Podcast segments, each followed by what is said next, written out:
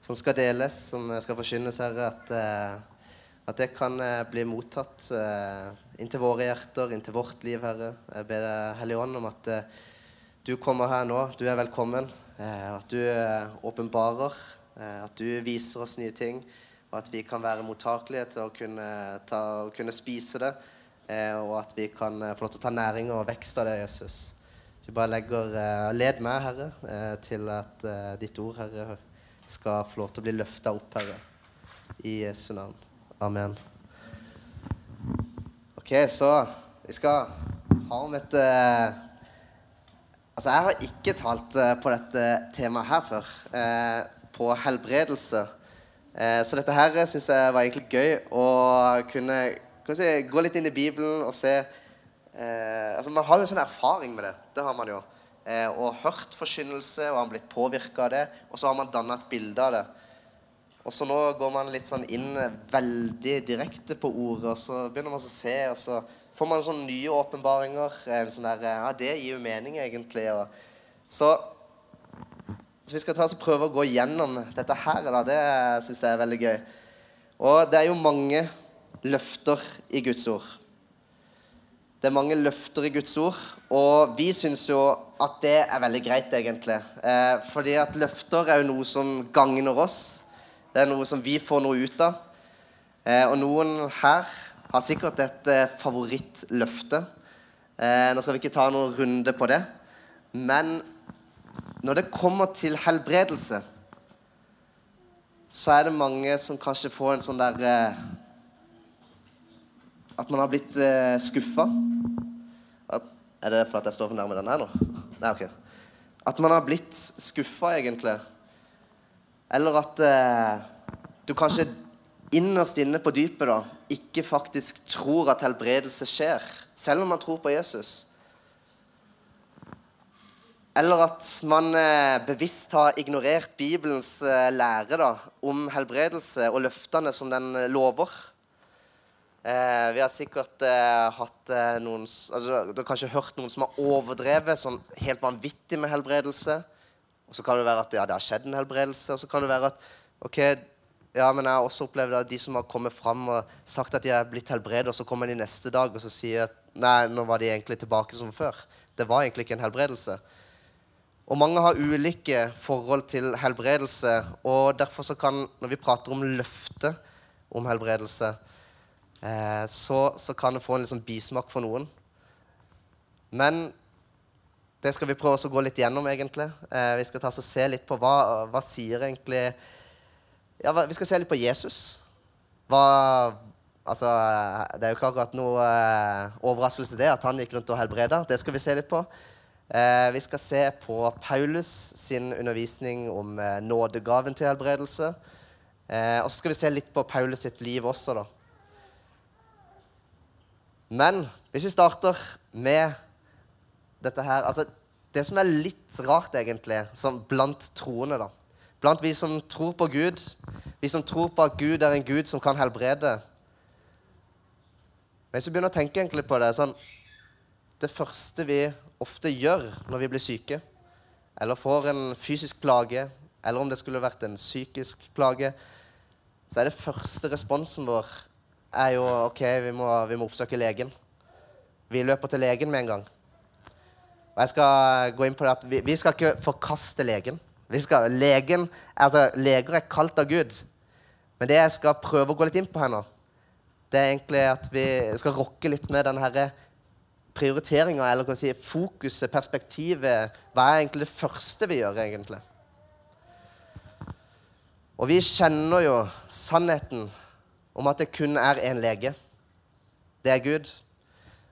Og da er det veldig interessant da, at siden vi vet hvem han allerede er, og hva han kan gjøre, og hva han har sagt, og hvilke løfter som står, og spesielt om helbredelse, så er det første vi gjør, er å ta kontakt med legen. Og hvis vi blir ganske så desperate, så folder vi hendene, og så begynner vi å be i håp om at Gud kan helbrede. da. Og det er jo egentlig ikke noe feil med begge deler. Vi skal oppsøke legene, vi skal også be, men det er mer rekkefølgen på tingene som jeg vil gå litt inn på. Og hva, hva sier egentlig Guds ord om det, egentlig? Skulle det ikke vært motsatt, da? Skulle det ikke vært at vi gikk til Gud først? Og hvis ikke Og den er, den er en liksom veldig viktig del. da. Og hvis ikke Vi bruker ofte den liksom, OK, jeg går til Gud først, og så skjedde det ingenting. Og hvis ikke han helbreder, pleier vi å si kanskje da. Men det er jo ikke det. Det er jo ikke hvis han ikke helbreder. For Gud helbreder. Han vil, og han kan. Men det er mer OK hvorfor er det en forsinkelse, eller hvorfor forskyver han det? Hvorfor skjer det ikke akkurat nå? Og når man ser det, så er selvfølgelig skal vi oppsøke lege hvis det er sånn at dette er i mellomtida, eller noe sånt. Men spørsmålet må ikke bli at hvis han ikke vil helbrede, ikke kan helbrede, for det gjør han. Men vi går veldig fort til den konklusjonen at hvis ikke vi ser noe her og nå, så kan han ikke. Så vil han ikke. Og eh, jeg var inne på det at vi skal jo ikke eh, snakke ned legen. Legen skal eh, også løfte opp. Og det er veldig interessant det her òg, med Paulus, som, som, velger å ta med Lukas, som vi vet er en lege, eh, på sin eh, misjonsreise som min, sin medarbeider. Og vi kan eh, anta, med tanke på hva Paulus måtte gjennomgå, og det skal jeg komme litt videre også på senere her, hvorfor han gjorde det. Og vi ser at Lukas, eh, som er forberedt som en lege og er klar for oss og skal eh, komme, komme, til hjelp med medisinsk, eh, medisinsk, hjelp, også tror på en gud da, som helbreder. Så vi ser at disse to går hånd i hånd. da. Så det er ikke noe sånn ubibelsk å skulle gå til legen. Det er også noe som kan, eh, Bibelen også støtter opp om. da. Vi skal prate om Jesus, han som helbreder. Så hvor kommer dette her problemet med oss, selv når vi vet hva han kan gjøre? En viktig faktor her er jo at ja, han vil og han kan, men vi er ofte litt sånn at eh, hvis ikke han svarer på når jeg vil, og slik jeg vil at han skal gjøre det, så kutter vi fort ut eh, kontakten og sier at han kan ikke, fordi at han svarte meg ikke. Men her er det jo viktig å vite at eh, ja, det er han som er Gud. Det er ikke jeg som styrer over han. Han er Gud. Han gjør det som han vil, etter hans vilje og i hans timing. Og her kommer noe av dette med tro og tillit. Det er jo hele fundamentet egentlig for Guds ord. Det er jo en tro og en tillit til den han er. Og da er det ikke en tro og en tillit til alt det andre bortsett fra helbredelse. Det gjelder også helbredelse. Så når vi ser Nå skal vi gå litt inn på ok, Jesus, da. Hva er det han sier om helbredelse? Hva er det han gjør? Og der er det også litt gøy å se at den største delen som eh, besto av Jesus sin tjeneste, det var eh, ikke det at han eh, hadde denne her eh, bergprekenen, eh, undervisninga der. Det var ikke det at han reiste så veldig mye rundt, for det gjorde han jo også. da men det var faktisk den største delen av hans tjeneste gikk i å helbrede. Når man sier største delen, det betyr ikke at det er den viktigste delen. Den viktigste delen, det var korset. Det var det som gjenforente oss. Og vi, komme, vi kommer inn på korset med en gang her snart. Men vi ser at store deler av hans tjeneste, det gikk i å helbrede. Og når vi leser i eh, evangeliene, så kan vi lese hele 27 ganger Hele 27 ganger at Jesus helbreder en individ, altså et enkeltmenneske individuelt. da. Hele 27 ganger. Og ti ganger så leser vi også at han helbreder en folkemengde. Så vi ser at det er en god del helbredelser som eh, foregår i hans tjeneste. Og da må vi forstå ok, hvorfor gjorde han dette, da? Hvorfor helbreda han?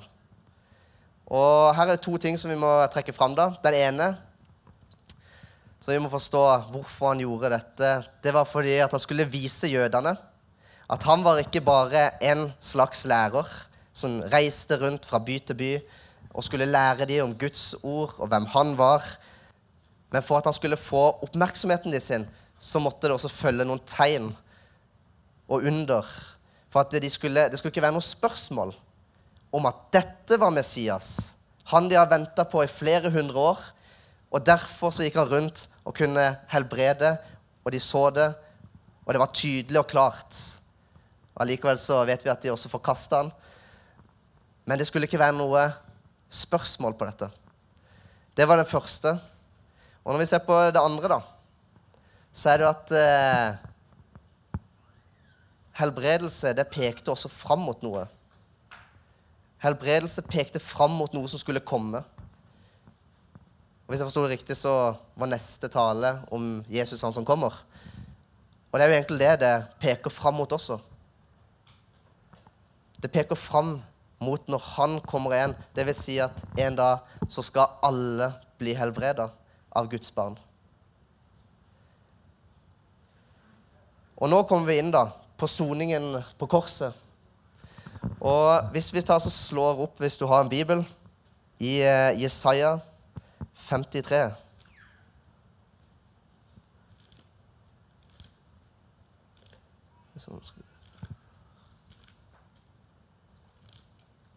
Jesaja 53, det er jo kjente vers. Og vers 4-5. Og der står det Sannelig, våre sykdommer tok han, våre smerter bar han. Vi tenkte han er rammet, slått av Gud og plaget. Men han ble såret for våre lovbrudd, knust for våre synder. Straffen lå på ham, vi fikk fred. Ved hans sår ble vi helbredet. Og Den starter med at sannelig, våre sykdommer tok han, våre smerter bar han, og avslutter med at ved hans sår har vi blitt helbredet. Så det vi kan se her, da, ut ifra noen kjente vers som eh, vi har hørt eh, mange ganger også, så ser vi at det er også Ja, det er tilgivelse for synd på korset. Og han tok vår synd på korset. Men vi leser også gjennom den røde tråden i Bibelen også at det er helbredelse også ved korset. Det er helbredelse for smerte og sykdom ved korset. Det er det ingen eh, spørsmål om. Her må vi huske at eh, alle løftene, alt som vi får lov til å ta del i, det finner vi når vi går tilbake til korset. Når vi kommer til foten av korset, der vi blir gjenforent. Alt ligger med korset. Uten korset så er vi separert og vi har ingenting.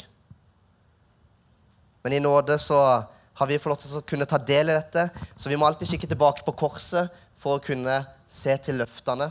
For der med korset så ligger løftene også, og der ligger også løftet om helbredelse. Så Jesus han dør for vår synd, og han tar også våre sykdommer og smerter, altså fysiske lidelser, på denne kjødelige kroppen.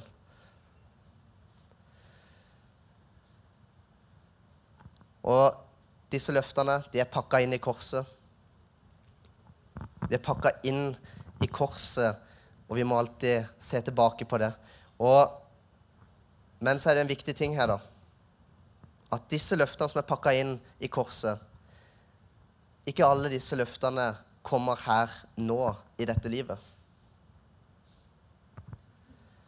Og det første vi kan prate om, er jo himmelen, da. For eh, vi er ennå ikke i himmelriket. Men ved foten av korset, hvor jeg får min tilgivelse og blir rettferdiggjort, så er det et løfte om at en dag når Jesus kommer igjen, så skal jeg være med han til himmelriket. Vi skal være med han i herligheten. Vi er frelst, men vi skal enda bli fullkomment frelst. Og Det samme kan vi også trekke til helbredelse. All helbredelse kommer fra Kristus sitt verk på korset. Men fysisk helbredelse er ikke garantert hver gang jeg ber om det.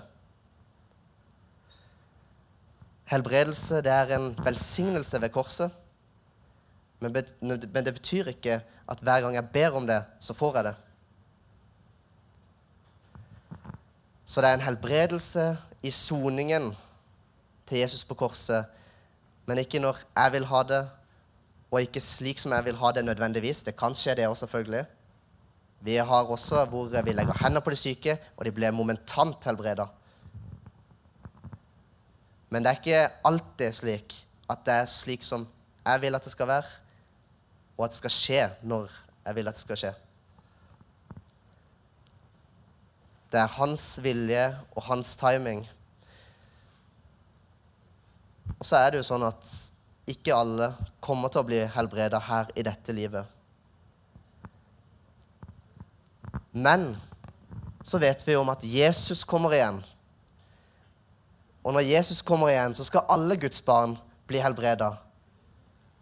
Og vi vet jo da at vi skal tre inn i et herlighetslegeme hvor det ikke er tårer, hvor det ikke er smerte, hvor det ikke er sykdommer. Og det kommer til å være helt perfekt. Vi kommer ikke til å kjenne på noe av dette lenger. Så vi ser det at ja, vi er her for en tid, men vi skal også i en evigheten for en evighet. Og der er det ingenting av dette som vi går og dealer med nå. Så ja, i perspektiv så er dette for en tid, og her kan du ennå også bli helbreda. Men vi skal fullt ut bli helbreda, alle Guds barn, når Jesus kommer igjen. Så vi ser da at eh, han kommer til å helbrede oss. Vi kommer til å bli helbreda. Det er ikke et spørsmål om hvis ikke han helbreder, for det gjør han. Men det er egentlig et spørsmål mer om når. Når gjør han det? Og jeg sier ikke at vi ikke skal forvente eh, eller ha noen forhåpninger til at han skal gjøre det. Det skal vi. Vi skal ha tro for det. Vi skal forvente at han kommer til å helbrede. Og det er også en ting som vi kan eh, ta her etterpå ved ferdig med talen. Eh, at vi skal også kunne komme i forventning fram til forbønn. Det skal ikke være noe sånn at eh, ok, nå prater jeg om dette her, ok, jeg bare legger det på meg og sier at ok, jeg får sannsynligvis ikke helbredelse her i livet. Nei, vi skal alltid forvente det. Og vi skal kunne komme fram, og vi skal legge hendene på de syke, og vi skal fortsette å be. Så vi skal komme med forventning, og vi kommer litt, eh, litt videre på det her nå. Men eh, hvis vi leser i Markus 16, vers 17, så leser vi da om at disse tegnene skal følge den som tror. Og de skal legge hendene på de syke, og de skal bli friske. Den kjenner vi alle sammen til, i hvert fall for oss som er troende. At vi kan legge hendene på de syke, og de skal bli friske. I Jesu navn. Og de skal bli friske, står det. Men det står ikke hvor lang tid det vil ta. Det står ikke noe sted at, det står ikke at de skal legge hendene på de syke, og de skal bli friske momentant. Det kan skje, som jeg har sagt. Det kan skje momentant, det kan skje her og nå. Men mange ganger så er det også en prosess i det. At det er en helbredelsesprosess. At det ikke nødvendigvis skjer her og nå, men at det kommer til å skje. Og vi skal fortsette å be. Og et veldig godt eksempel jeg vet ikke om jeg så, men jeg tok med opp denne her. Jeg har ikke kobla til noen ting egentlig her. Men hvis vi ser for oss at dette strømuttaket Er det ikke det heter? Strømuttaket? Padda, iallfall. Denne er kobla til Gud nå. Og når du får eh, kom, Si at du hadde kommet fram her til forbønn, da. Så erfarer du kanskje ikke å få helbredelse. Men det ofte mange da gjør, er jo at når man egentlig først kommer, så stikker man egentlig kontakten inn. Dette er meg og det, Til Gud i håp om at vi skal få en helbredelse. Og så skjer det ikke sånn som vi hadde tenkt at det skulle skje, akkurat som vi skulle, at det skulle være, og at det skjedde her og nå.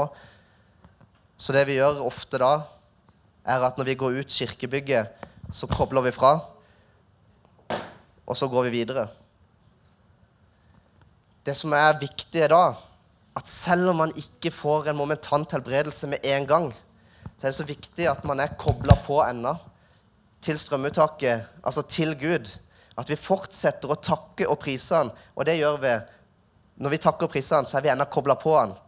For det vi ennå takker og priser Han for, det er jo selvfølgelig korset. Alt ligger i korset. Så vi fortsetter å takke og priser Han. Og så priser vi Han helt til det skjer. Ja, så skjer det her kanskje i livet. Om to uker til, en måned, ti år. Eller når vi skal inn i evigheten med Han.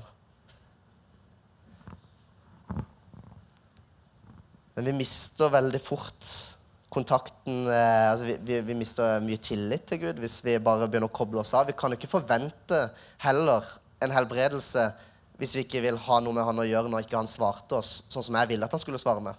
Og når jeg ville at han skulle svare med. Og hvis ikke han gjør det, ja, så gidder ikke jeg å ha noe mer med Gud å gjøre. Helbredelse er jo én av eh, Eh, de store tjenestene som Jesus gjorde. Men det var ikke det viktigste. Vi må ennå holde fast på korset, for uten korset Vi må ikke miste fokuset heller her. Vi må ha enda fokuset på korset. Vi må holde fast på korset, for det er der jeg har alt. Uten korset har jeg ingenting.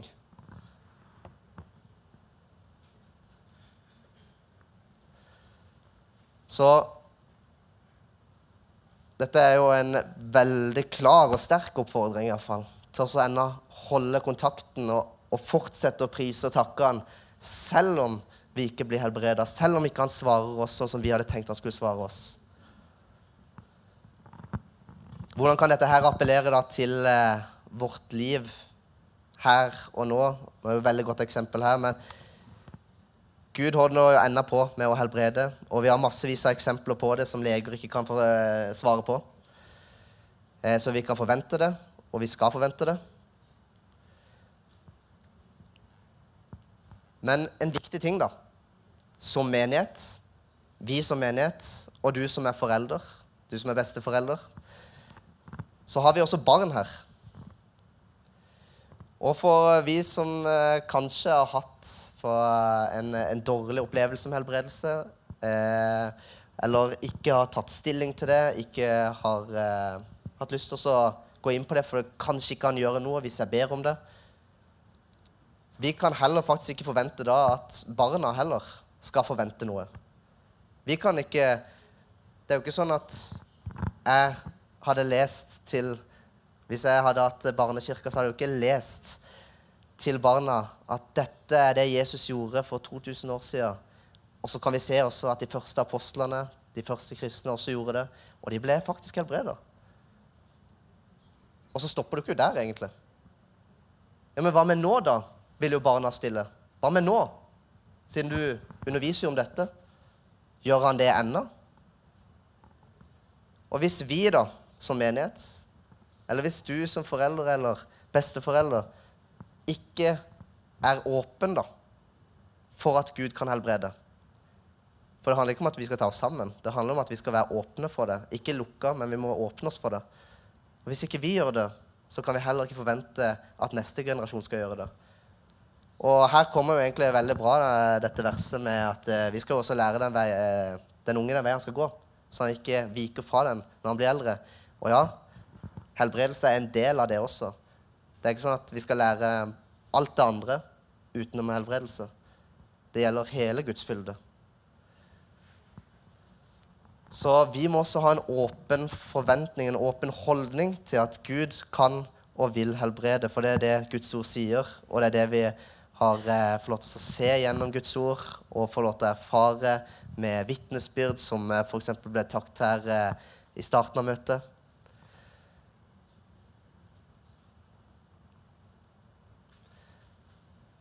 Jeg skal prate litt om eh, Paulus. Eh, nå blir det litt mer om Paulus ennå videre. Og det er fordi at han underviser oss i første Korinterbrev. Eh, I 1. Korinterbrev kapittel 12 og eh, vers 9.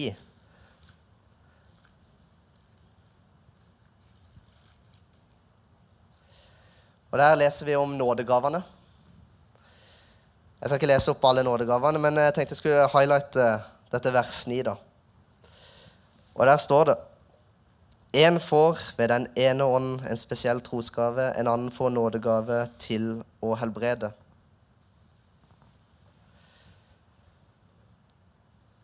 Og når man leser, så kan man se at er nådegaver til å helbrede i flertall.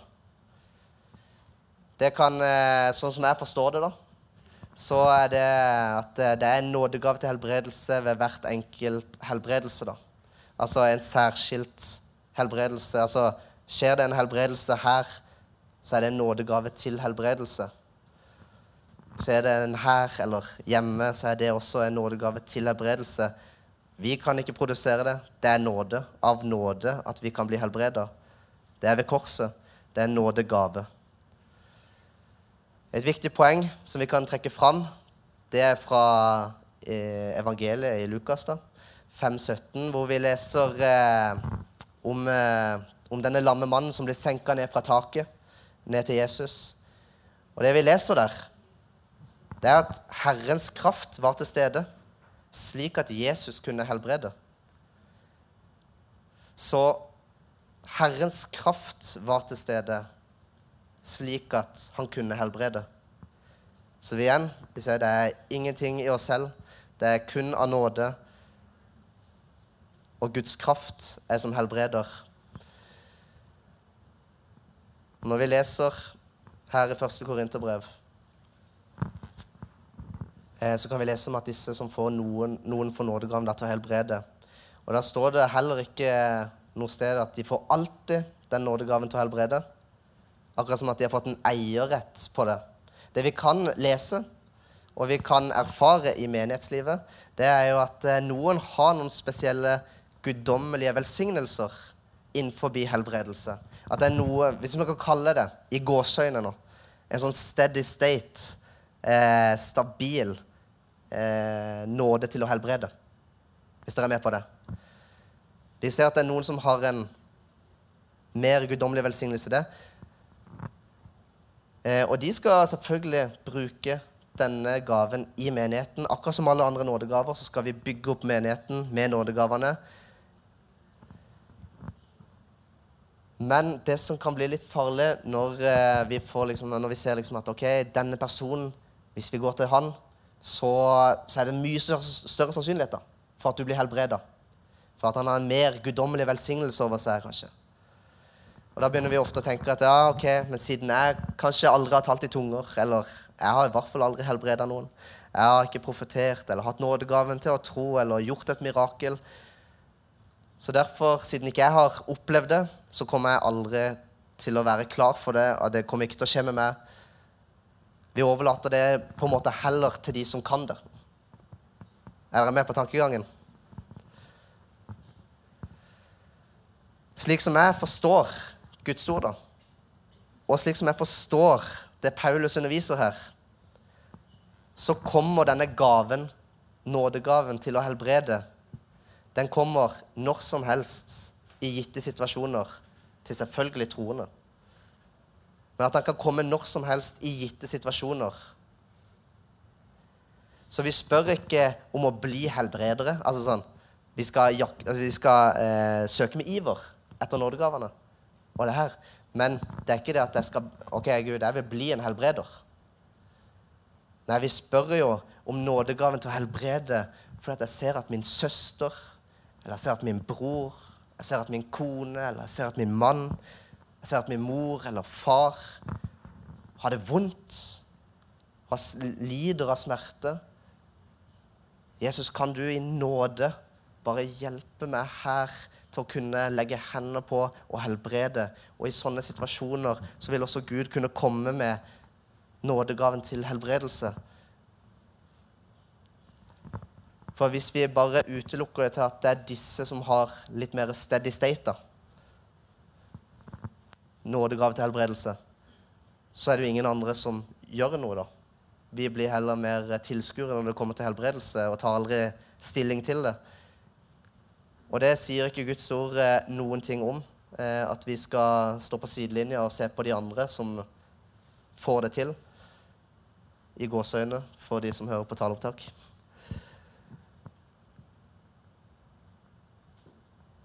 Vi skal være åpne, da. For at Gud også kan bruke hver enkelt. Det er ikke begrensa til enkelte personer.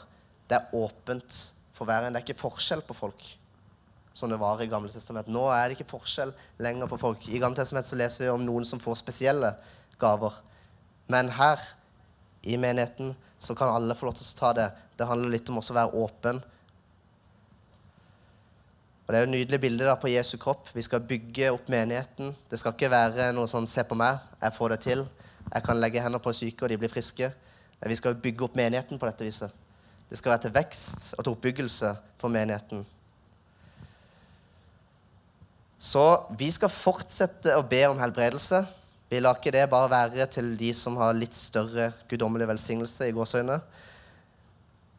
Vi trenger menneskers bønner, for vi leser jo i Jakob 5, vers 14-15, så står det at eh, det står at eh, vi skal kalle til de eldste i menigheten, og de skal be for ham og salve ham med olje i Herrens navn. Og slik skal troens bønn redde ham.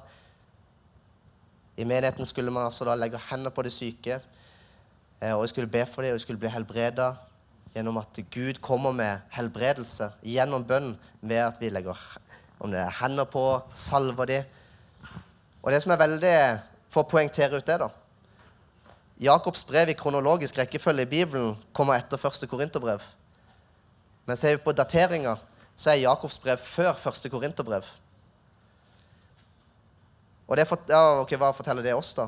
Jo, Det det forteller, det er jo at undervisninga til Paulus om nådegavene til helbredelse den kom etter at Jakob i Jakobs brev da, sier at vi skal legge hender på de syke. Så vi må ikke utkonkurrere nådegavene og så si at vi ikke skal fortsette med det, og ikke ha tro for det. Eh, Jakobs brev kom faktisk før første korinterbrev, så vi skal faktisk ennå legge hender på de syke, og det er også Jesus' sin befaling òg. Vi skal legge hender på de syke, og de skal bli friske. Ok, Nå har jeg bare prata om masse helbredelsesløfter i Bibelen, i, i måten Gud gir det på.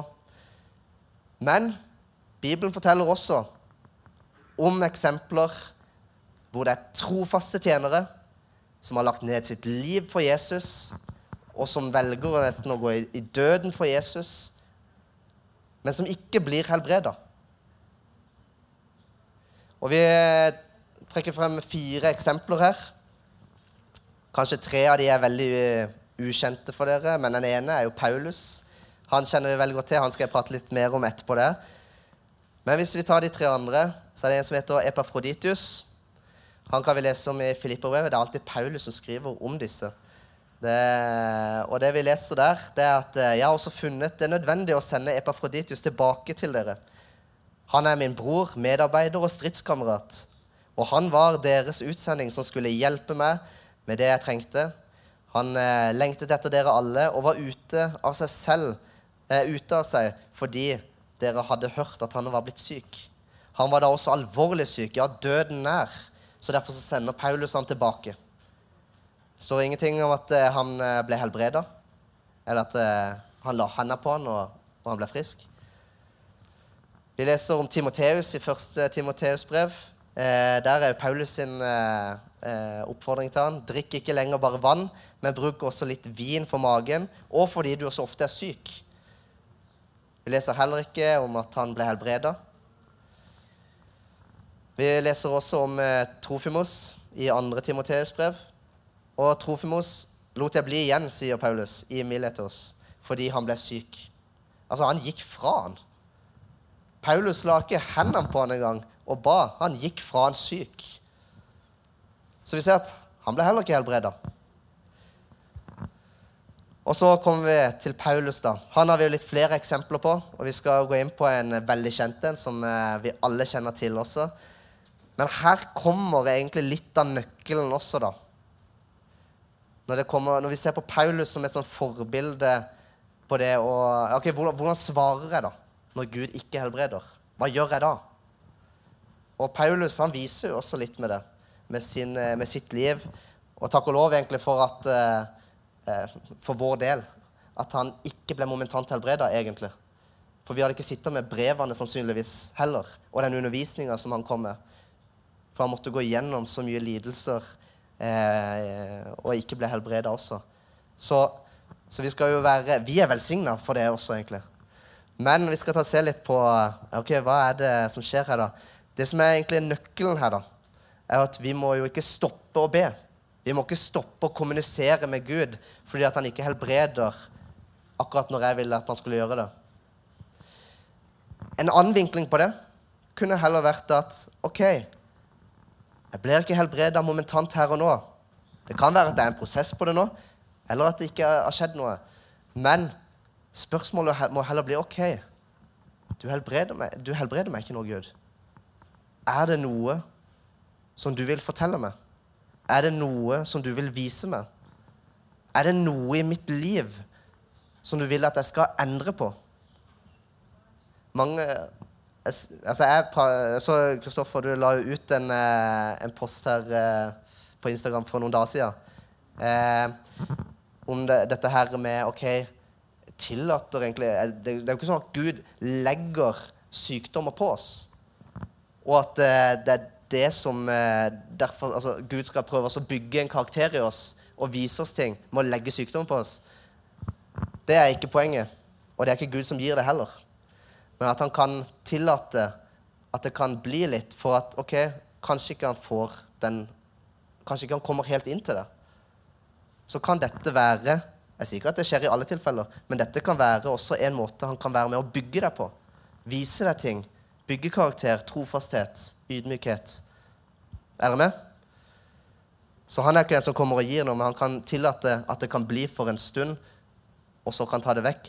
Men for at han skal vise noe. Og det ser vi når vi ser på svaret da, til Paulus, da, når vi leser i andre korinterbrev, i, nei, i kapittel 12, og vers 7-10, eh, så kan vi lese om Paulus med dette tornet i skjødet. Og det vi leser da, det er For at jeg ikke skal bli hovmodig på grunn av de høye åpenbaringene, har jeg fått en torn i kroppen, en Satans engel som skal slå meg. For at jeg ikke skal bli hovmodig, Tre ganger ba jeg til Herren om at han måtte ta det, eh, bli tatt fra meg. Men han svarte, Min nåde er nok for deg, for kraften fullendes i svakhet. Derfor vil jeg helst være stolt av mine svakheter, for at Kristi kraft kan ta bolig i meg.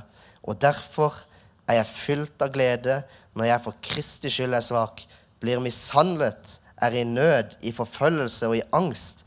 For når jeg er svak, da er jeg sterk. Og det er jo liksom brutale ord. Men allikevel sier Jesus, Herren sier liksom at 'Min nåde er nok for deg'. Det er svaret han får. At 'min nåde er nok for deg'. Så kan vi lese at dette her er med på å bygge noe i Paulus sitt liv òg. Det Paulus sier her, er at han har jo lært noe. Og vi ser videre også at han har lært å være fornøyd, tilfredsstilt, i uansett tilstand han er i. Og det bygger jo Paulus sin karakter, om hvem han er. Og spesielt når det kommer til trofasthet til Gud, selv når han ikke helbreder. Selv når han ikke hørte de tre bønnene. Så når sykdommen kommer, og det ikke er helbredelse, så er det selvfølgelig ikke fordi at han ikke vil. Men når det ikke skjer slik som du vil at det skal skje, så må vi spørre heller. Ok, er det noe du vil, da? Det blir en helt annen vinkling, og det er litt mer sånn for å ta vekk fokuset fra det egoistiske med, og heller rette det på Jesus. Er det egentlig noe han vil fortelle meg, da? Det betyr ikke at Gud ikke elsker oss. Det gjør det ikke. Kan det bety at det er noe eh, synd i livet? Det trenger det ikke nødvendigvis å være. Det betyr at Gud sannsynligvis vil gjøre noe. Noe han vil si, noe han vil korrigere. Og dette har jo mye med også helliggjørelsen å gjøre. Det at vi skal bli mer og mer lik Jesus. Så når vi ser på livet til Paulus, så ser vi en som levde i lidelse.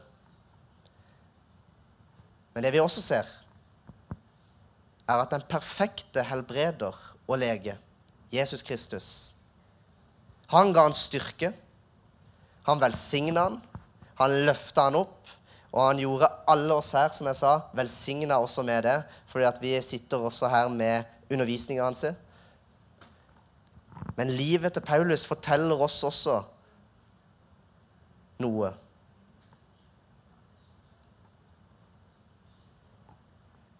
Hvordan påvirker dette meg, da?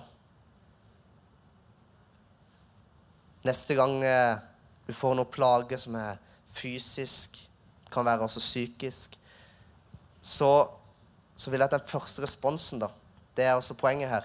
At den første responsen er liksom OK, Gud. Det er han vi går til. Det er han vi også spør. Han kan jo si OK, stol på meg. Eller det kan være å oppsøke legen. Jeg skal ikke fortelle noen om når tid de skal gå til legen eller ikke. Det er heller ikke poenget. Poenget mitt det er egentlig rekkefølgen på prioriteringa. Rekkefølgen på fokuset. At ikke det er sånn selv vi som troende som vet hvem Gud er, og at Gud er en helbredende Gud, at ikke vi har en sånn første respons på at OK, er du syk? OK, legen med en gang. Men OK, jeg kan vende meg til Gud. Og så kan sikkert noen tenke at eh, det blir litt for mye tro. Det blir litt for mye tillit. Vi må jo oppsøke en lege. Det er common sense.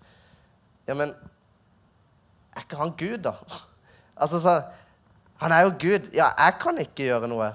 Men han er Gud. Skaper av himmel og jord.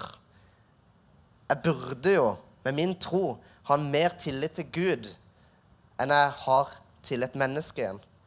Og igjen, jeg legger ikke legene ned i det hele tatt. Legene skal løftes opp, og de er kaldt. Men dere, jeg tror dere forstår meg hva jeg sier.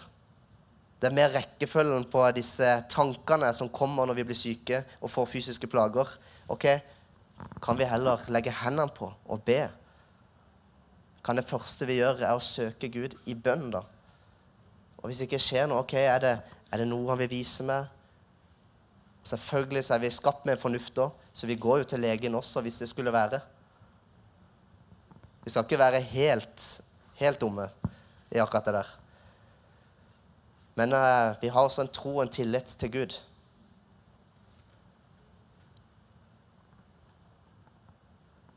Vi trenger altså å få denne her verdslige tankegangen liksom ut av oss.